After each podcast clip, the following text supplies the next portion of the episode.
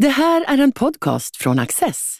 Du hittar fler av våra program på access.se och på Youtube. Mycket nöje! Coronaviruset dominerar nyheterna. Kommer Erdogan att lyckas utpressa EU? Och hur får vi tillbaka framtidshoppet? Det här är veckans ämnen i panelen. Stefan Stern, du är kommunikationschef på Nordstjärnan. Karin Svanberg Sjövall, du är VD på Timbro.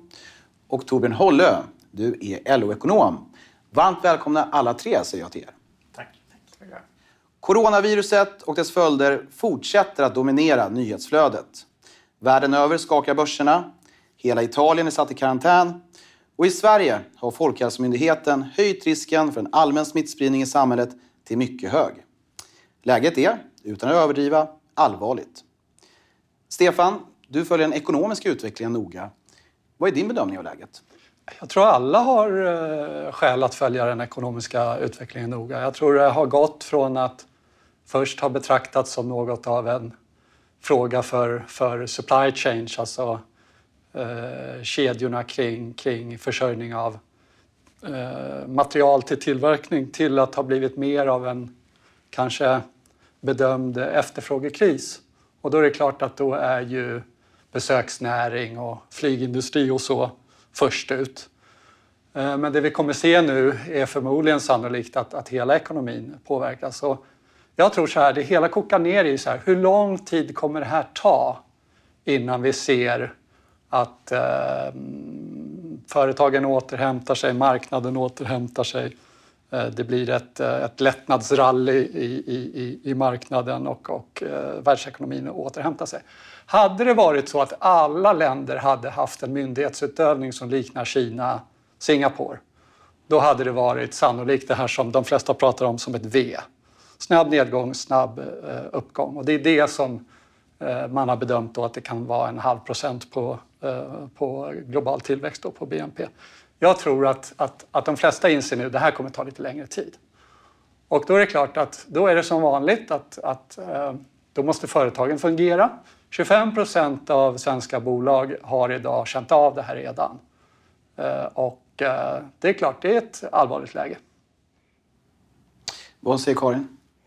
Alltså det är ju alltid så när kriser slår till så skapar det en massa möjligheter för politiskt entreprenörskap. Och det är väl det vi börjar se nu. Delvis med att partier börjar rasta gamla käpphästar. Eh, Jag har sett att Miljöpartiet har ju till exempel tagit det faktum att varor inte korsar gränser på samma sätt som ett tillfälle för att börja prata mer om att vi behöver öka självförsörjningsgraden i jordbruket. Eh, det har vi hört tidigare, det gjorde vi även när det var väldigt varmt för, för två år sedan. Eh, vi ser Moderaterna som går ut nu eh, och tittar på den krisande flygindustrin och säger att vi måste göra oss av med den här flygskatten. Eh, så det är egentligen den biten som jag är mest intresserad av att se vad man faktiskt åstadkommer i den här situationen nu när det uppstår ett handlingsutrymme som kanske inte funnits tidigare. Torbjörn? Ja, diskussionen är precis som Stefan säger, är det V eller till U eller till och med L? Något L tror jag inte pratar om, men alltså, konjunkturmässigt, alltså, går det snabbt ner och snabbt upp? Eller liksom, Eh, jag ligger någonstans mellan V och U. Alltså det är klart att det kommer påverka men, men förr eller senare så kommer, liksom, kommer det en rekyl tillbaka helt enkelt. Så konjunkturmässigt. Men det som jag tror är intressant och spännande att följa det är att det här kommer att sätta igång väldigt, eller kommer accentuera flera strukturomvandlingar som redan pågår. Alltså både positiva och negativa sådana. Flygsektorn är naturligtvis det mest uppenbara. Alltså flygbranschen hade ju gigantiska problem sedan tidigare. Man har ägnat sig åt att placera sig i lågskatteländer, låg, alltså länder med, med låga löner och man har haft väldigt stora utmaningar. Sen ser vi positiv strukturomvandling i meningen att, att allt fler söker sig till nätet. Man handlar mat på nätet, man handlar tjänster på nätet. Så att jag tror, jag tror så här, vi kommer under en period att riktigt kunna se skillnad på vad är egentligen struktur och vad är konjunktur. Eh, men jag tycker egentligen att det, det mest intressanta på, tror jag är den här snabba strukturomvandlingen som jag misstänker kommer eh, eh, inträffa på grund av den här krisen. I Italien så är ju en del bedömare oroliga för att det här kan utlösa en bankkris. Många italienska banker har ju problem med dåliga lån och så vidare och att coronakrisen då kommer att, säga, att tvinga upp dem här till ytan. Stefan, har du någon kommentar kring det? Nej, men det är ju riktigt. Uh, Italien är ju eurozonens tredje största ekonomi. Men tillväxten är ju typiskt sett uh, negativ eller inte så bra i det landet. Så det är klart att det som först initialt uh, var kanske en oro det var ju att adderar man lite komplexitet i varor och tjänster eller produkter så, så, så, så, så är Kina så att säga, det är en marknad, en supply chain, men, men Italien är faktiskt ganska stor på det området. Den, den oro vi ser nu är nog exakt det som du är ute efter. Att om de italienska bankerna får problem så, så kan eh, det bli oro kring hur det ser ut för banksektorn eh, rent eh, generellt. Så, så, så, det tror jag är helt rätt. Eh, jag tror så att vi har kommit till en situation där de flesta eh, inser att om vi tar bort riskgrupper, som är det viktiga förstås, om man har en underliggande sjukdom eller om man har åldern som, som innebär att man hamnar i en riskgrupp. Eh, där är så att säga fokuset på viruset. Det som är den allmänna diskussionen nu det är det som är kringeffekter. Eh, det som viruset satte igång. Eh, det har ju pratats nästan ett år om att vi kommer få se en korrektion i marknaden. Alltså första nivån som brukar vara 10 procentenheter då, och sen så är alla rädda för nästa nivå då, som vi var väldigt nära häromdagen som är 20 procent. Men så allting dras igång och får kedjeeffekter då så att säga. Men, men banksektorn är förstås en sån som skulle göra eh, som skulle, som skulle dra ut den här eh, situationen. Den här U-scenariot som Torbjörn pratade om skulle bli eh, ännu mer lång, långdraget. Och det, måste bli, det kommer sannolikt att bli lite sämre innan det blir bättre igen. För vändningen kommer ju någon gång, mm.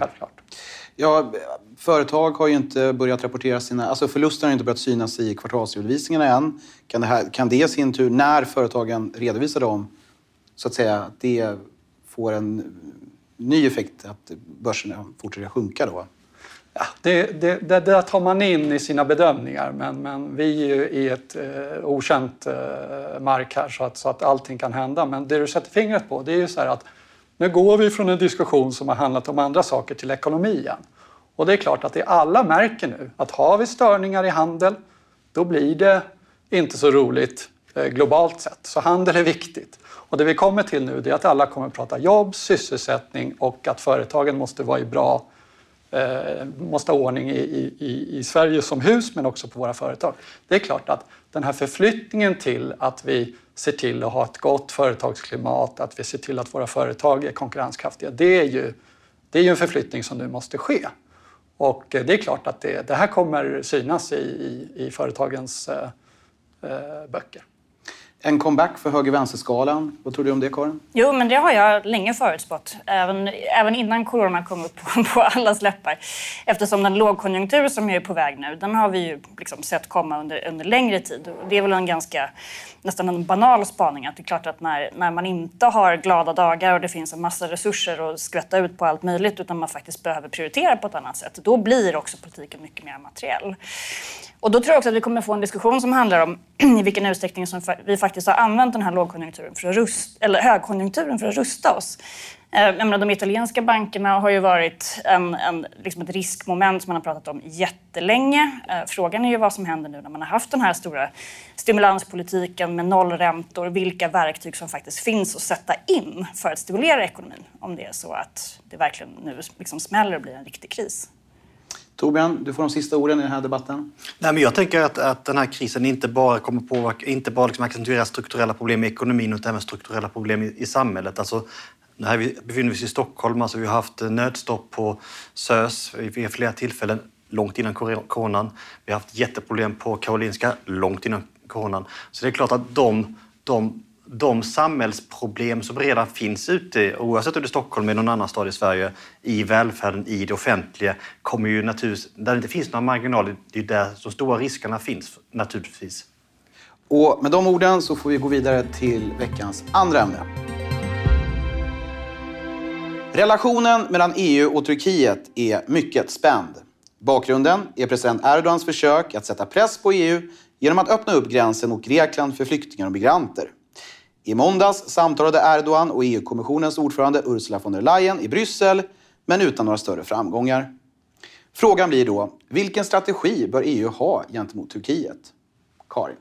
Ja, det är ju inte helt enkelt det här. Jag tror att en första reflektion är väl att en, en intressant bieffekt av Erdogans eh, försök att spela så pass högt som han har gjort nu, därför att han vill ju ha en omförhandling nu när man ska ha ett nytt avtal på plats där han vill ha bättre villkor är ju att om migrationsfrågan tidigare har varit den kanske främsta stötestenen som har splittrat EU mer än någon annan fråga, så är det nu en fråga som tvärtom börjar ena EU. Alltså man ser att det finns liksom, eh, mycket mer diskussioner om att man behöver visa solidaritet med, med Grekland. Det finns en enhet som inte fanns tidigare kring behovet av gemensam gränsbevakning. Den här frågan är förstås inte löst på något sätt. Och om det är så att vi skulle få en ny flyktingkris så tror jag i och för sig inte att effekterna skulle bli samma därför att vi har en erfarenhet nu som vi inte hade 2015.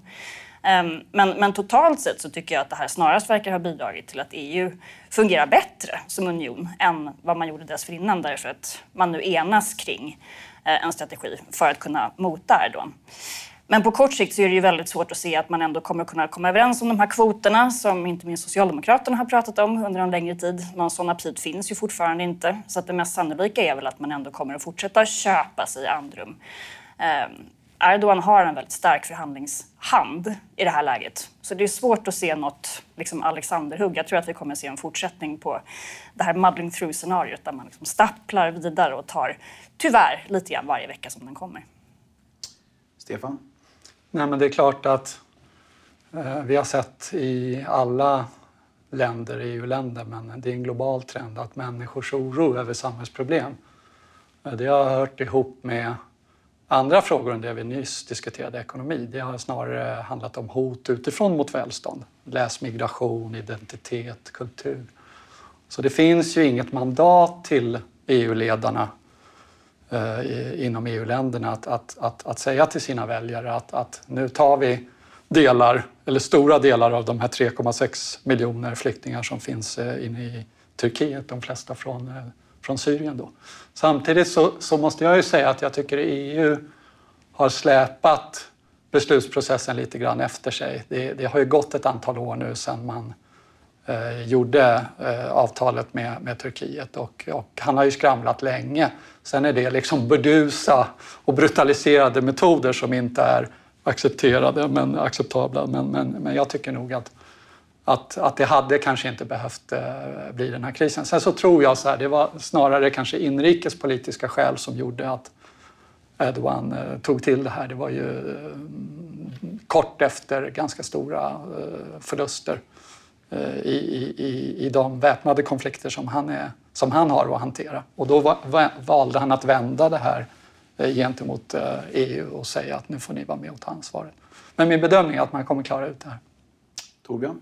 Jag tänker att det vi ser nu det är ju naturligtvis hyckleri på e-, europeisk nivå där där, folk, där länder pratar om eh, att man värnar asylrätten men samtidigt applåderar att, att Grekland slänger, alltså, håller gränsen i meningen att man inte tillåter människor att komma in och söka asyl. Det är människor som, som aktivt man slänger tårgasgranater på dem, man, eh, man prejar dem med kustbevakningsbåtar. Eh, och saken är, jag har inget, jag har inget bättre alternativ. Alltså, så att jag, är liksom jag är del av, del av hyckleriet. Alltså, jag tycker också att asylrätten bör värnas men samtidigt så är det ju det är, det är någonstans ett hyckleri att det, det, det, vilar på att vi, att vi har de här brutala metoderna mot de här stackars människorna som, som, som, som vill söka asyl i, i Europa. Det, och det, det skär lite i hjärtat faktiskt.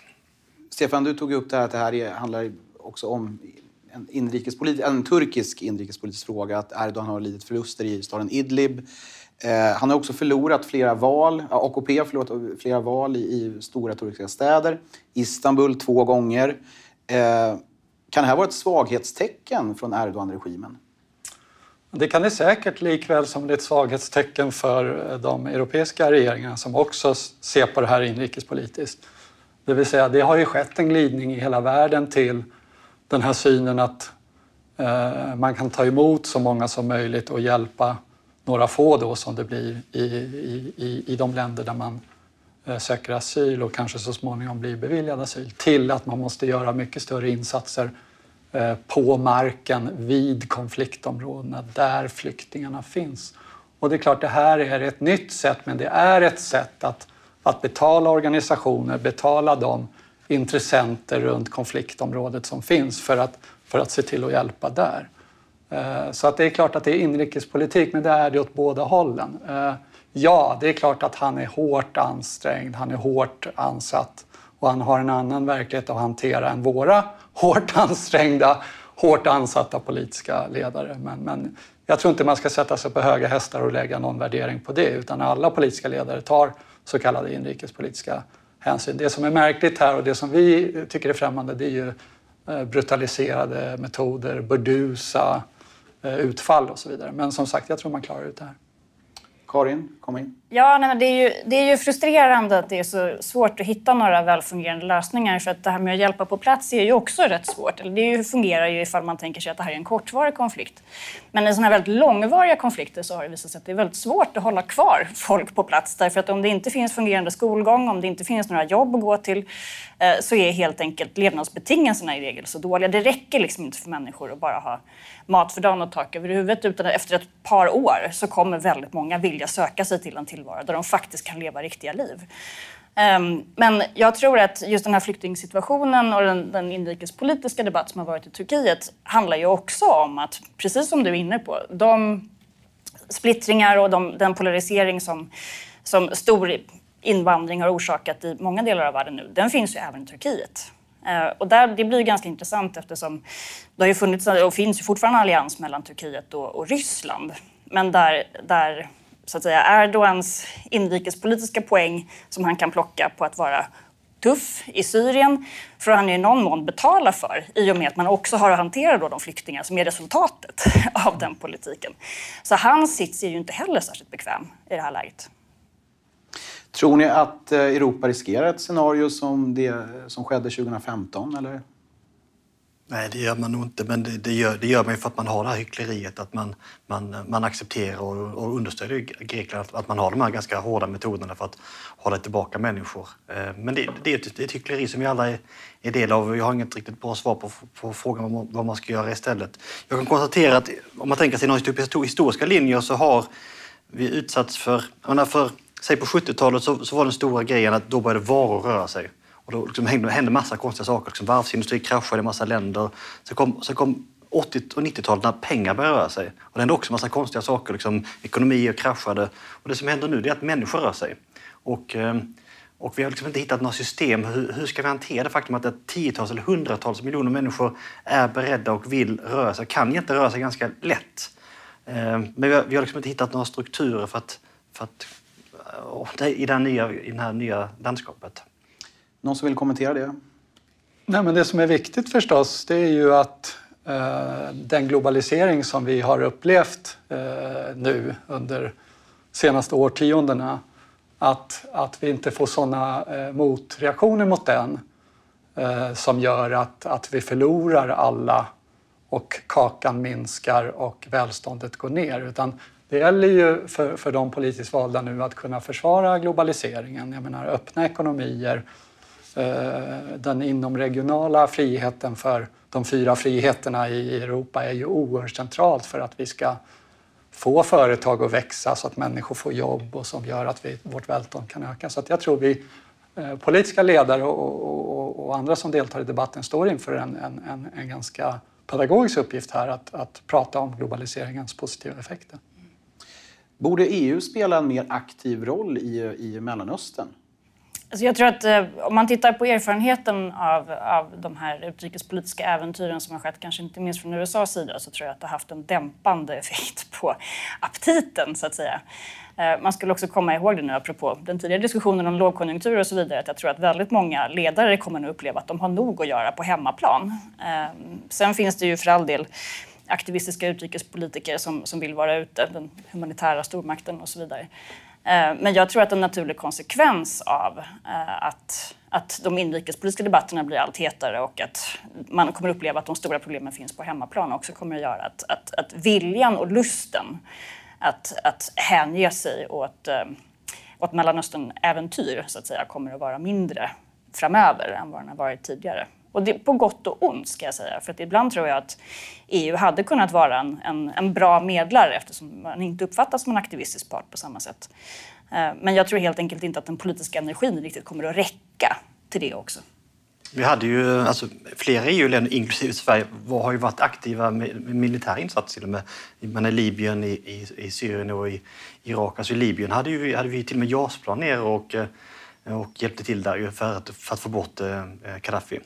Eh, en annan del av, eh, av, av världen, den världen. Så att, så, men, men jag tror att det som man upptäckte sen, liksom, efter vi varit, varit aktiva, så var det ingen som riktigt hade en plan på hur tar man den aktiviteten vidare efter att Gaddafi föll eller efter att eh, Isis är borta eller eh, Saddam är borta. Så att, eh, det hjälper inte bara att avsätta regimen utan det måste också finnas någon tanke på hur man kommer vidare sen.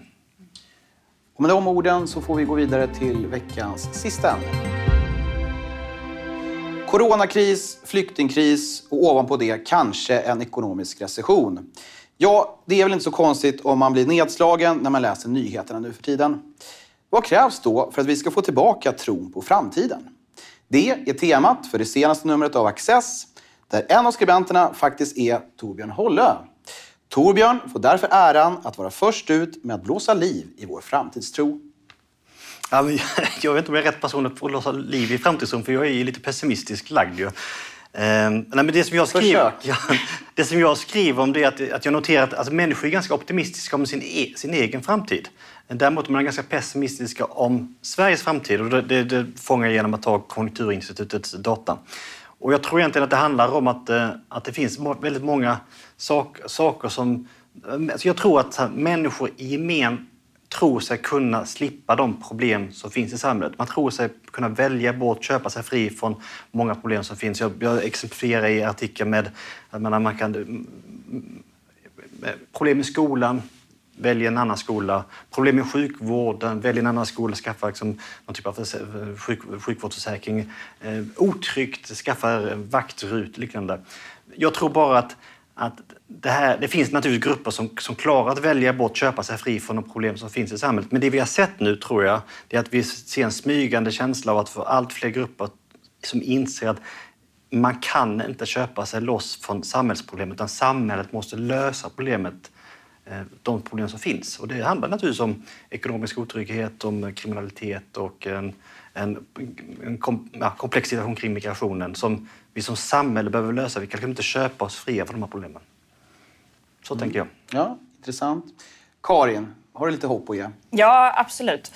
Eh, jag tycker att det finns ganska mycket eh, positiva tecken där ute om man, om man väljer att titta på dem istället för att bara fokusera på allt elände som händer. Men när man känner sig så riktigt deppig så har jag ett konkret tips. Och det är att läsa Steven Pinker Eh, som är en, en, amerikansk statsvetare som har skrivit en, en fantastisk uppsats om, om klimatproblemen, faktiskt, märkligt nog. Där han lanserade begreppet villkorad optimism.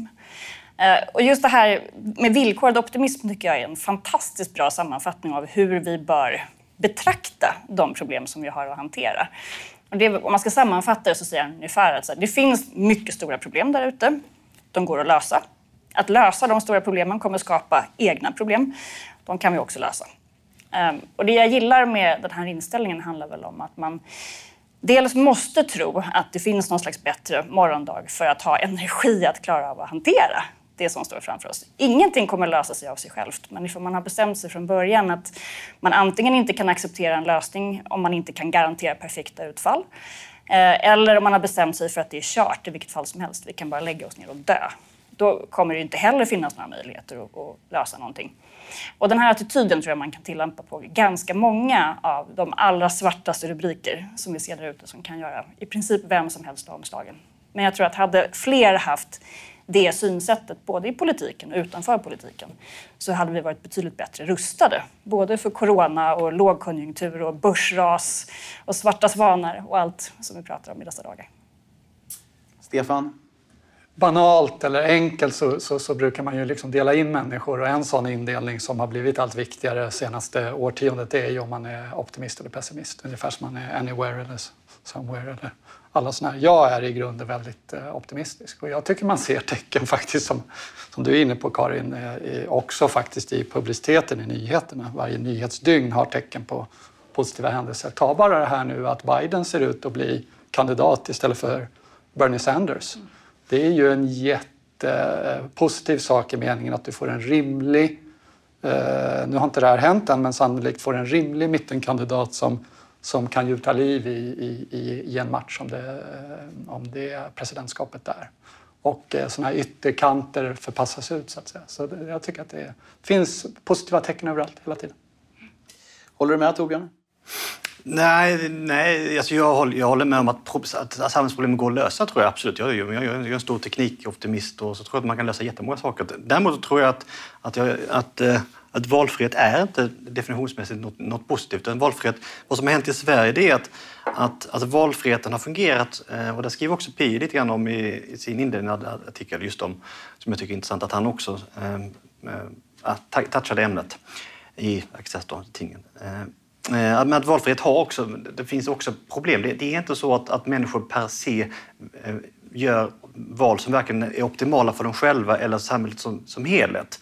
Och min spaning är väl att, att, att att om vi väljer bort problem istället för att lösa problem så, blir liksom, så kanske möjligtvis rädda oss själva men det är inte säkert att det är jättebra för samhället. Och jag tror att friskolan är ett sådant exempel. Att, alltså det är ju, resultatet från friskoleformen förskräcker ju. Därför att resultaten för Sverige som land, som nation, som, har, ju, har ju blivit sämre även om enskilda personer har lyckats välja bort dåliga skolor. Och det är bara ett exempel på att valfrihet, visst jättebra i teorin, men i praktiken kanske kan det vara dåligt för oss som samhälle. Du vill komma in, Stefan? Varsågod Karin. Ja, nej, jag tror ju precis tvärtom. Jag ser ju väldigt mycket i det som många beskriver som stora problem som, som någon typ av fall framåt ändå. Att människor eh, bestämmer sig för att ta saken i egna händer, att man inte lutar sig tillbaka och väntar på att andra ska lösa det. Att det finns en känsla av agens och också att människor har vant sig vid att ha handlingsutrymme. tror jag för det första inte är någonting som man kan ta ifrån dem. Och för det andra är någonting som jag tror vore mycket farligt att ta ifrån dem. Jag tror att om det är någonting vi behöver mer av i framtiden som kommer att vara vara sannolikt ännu stökigare än de har varit tidigare så är det ju människor som vänjer sig vid att också lösa sina egna problem. Och att då försöka backa bandet till stora kollektiva lösningar där vi använder människor som medel istället för mål. Ehm, att vi skulle gå från mer individualism till mer kollektivism, det tror jag varken är möjligt eller önskvärt. Stefan? Nej, men det är klart i tiden när allt fler ifrågasätter om eh, kärnstaten levererar, om samhällskontraktet längre eh, gäller, om, om transaktionen går ihop, att om jag gör mitt och betalar skatt så, så gör det offentliga sitt. Det är klart att, att, att i ett sådant läge så skulle det naturligtvis inte accepteras att, att människor är, är ett redskap i samhällets tjänst utan politik, demokrati, ekonomi, Även på liksom, samhället är ju till för, för människor och det här att vi väljer själva i olika livsskeden, det, det är ju så att säga, det är självklart. Däremot håller jag med om att man ska lösa samhällsproblemen. Jag har svårt att se att man löser, man löser inte samhällsproblem genom att ge sig på så att säga, de skolor, om vi nu tar skolan som levererar bäst. Då, så att säga. Men, men det är klart att, att i grunden, för det var det det här handlade om, är man pessimist eller optimist? Jag tycker man kan vara, trots allting som sker, vara ganska säker på att det, det går som vanligt, pendla fram och tillbaka och det kommer komma tillbaka i, i, i, i nya skeden. Torbjörn, du får sista ordet, men bara om du avslutar optimistiskt. Nej, men jag, jag, tror, jag tror att vi gemensamt kan skapa ett mycket bättre samhälle. Framförallt tror jag väldigt mycket på teknikutveckling. Jag tror att det kommer skapa fantastiska möjligheter för oss alla. Strålande. Det var jättekul att ha er här. Stort tack för att ni har varit med och tack för att ni har tittat. Du har just lyssnat på en podcast från Access. Du vet väl att vi också är en tv-kanal och tidning? Teckna en prenumeration idag på access.se.